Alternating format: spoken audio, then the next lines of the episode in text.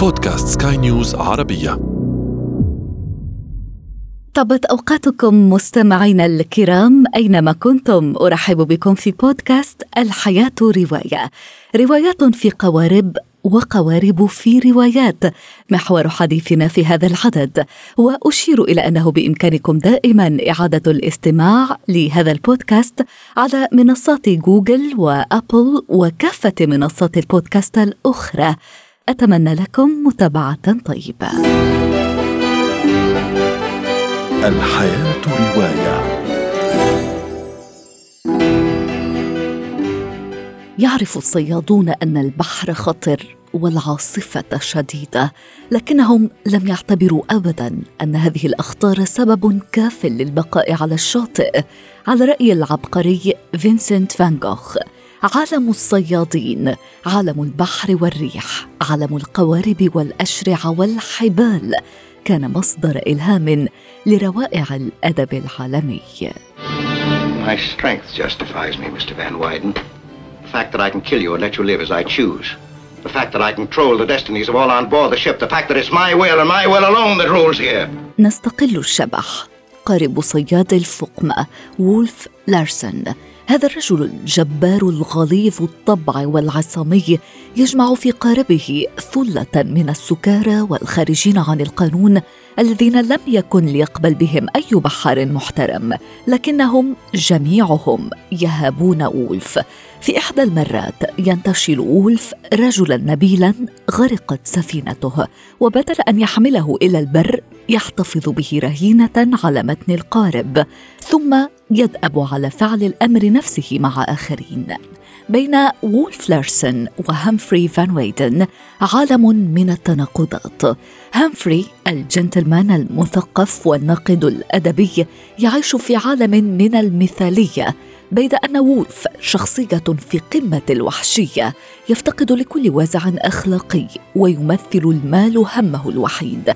لكن مع ذلك يتمتع بذكاء متقد ذلك الذكاء الذي يجعل المرء مفترسا خطيرا كما أنه على قدر لا بأس به من المعرفة الفلسفية والأدبية يقارع بها قناعات هيمفري وينجح أحيانا في زعزعة إيمانه بحججه البسيطة والقوية في آن.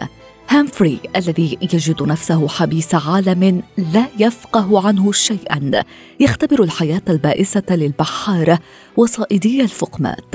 تجربة السفينة القاسية ستخرجه من عالمه المثالي الذي لا يوجد سوى في الكتب والصراع بين هذين الرجلين هو في الواقع الصراع الفكري بين الإنسان المتحضر والوحش الذي يناضل من أجل بقائه.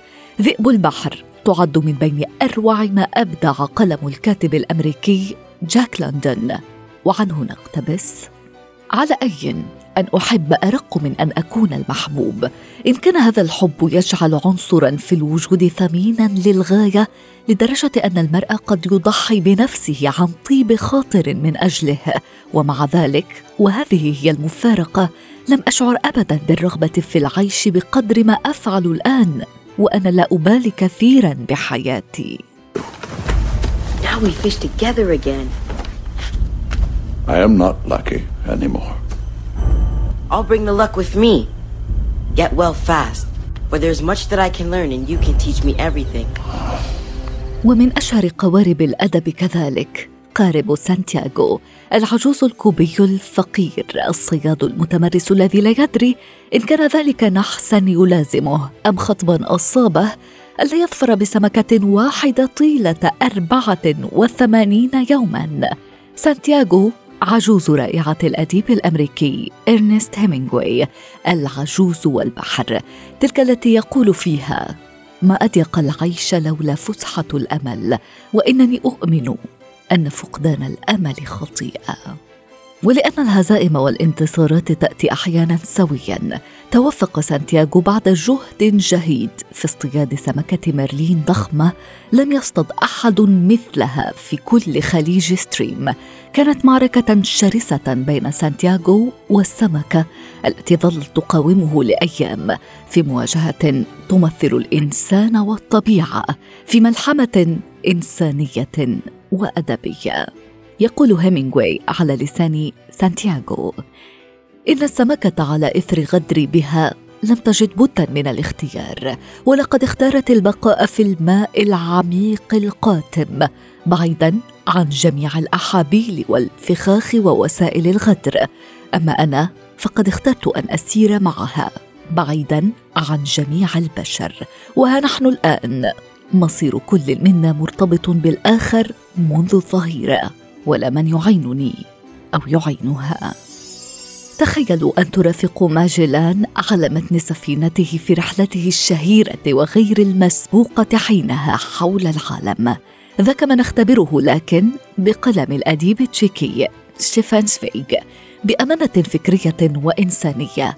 خط سفيغ في روايته ماجلان قصة هذا المستكشف البرتغالي يعيدنا بضعة قرون إلى الوراء إلى حقبة الاستكشافات الجغرافية الكبرى التي كانت محط تنافس الأمم آنذاك.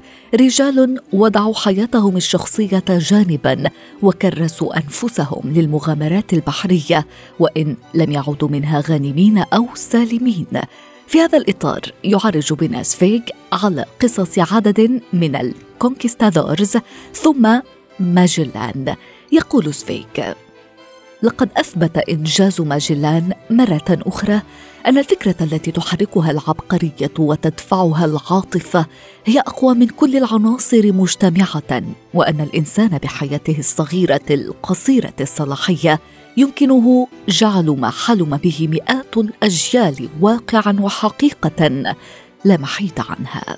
يبرع سفيغ في تصوير السياق التاريخي لهذه الحقبة والمصاعب الجمة التي اعترضت ماجلان في وقت كانت التوترات على أشدها بين الجارتين البرتغال وإسبانيا وكل واحدة منهما تسعى للاستحواذ على أكبر عدد من المستعمرات لكن هدف ماجلان مروض البحور والمحيطات لم يكن ابدا استعماريا. الحياة رواية. وفي ختام هذا العدد أشكر لكم وفاءكم وطيب إصغائكم مستمعينا الكرام. بإمكانكم تحميل هذا البودكاست عبر منصات أبل وجوجل وغيرها حيث بإمكانكم أيضا ترك آرائكم وتعليقاتكم ومقترحاتكم. كنت معكم أنا إيمان جبور. يتجدد لقاؤنا في العدد المقبل.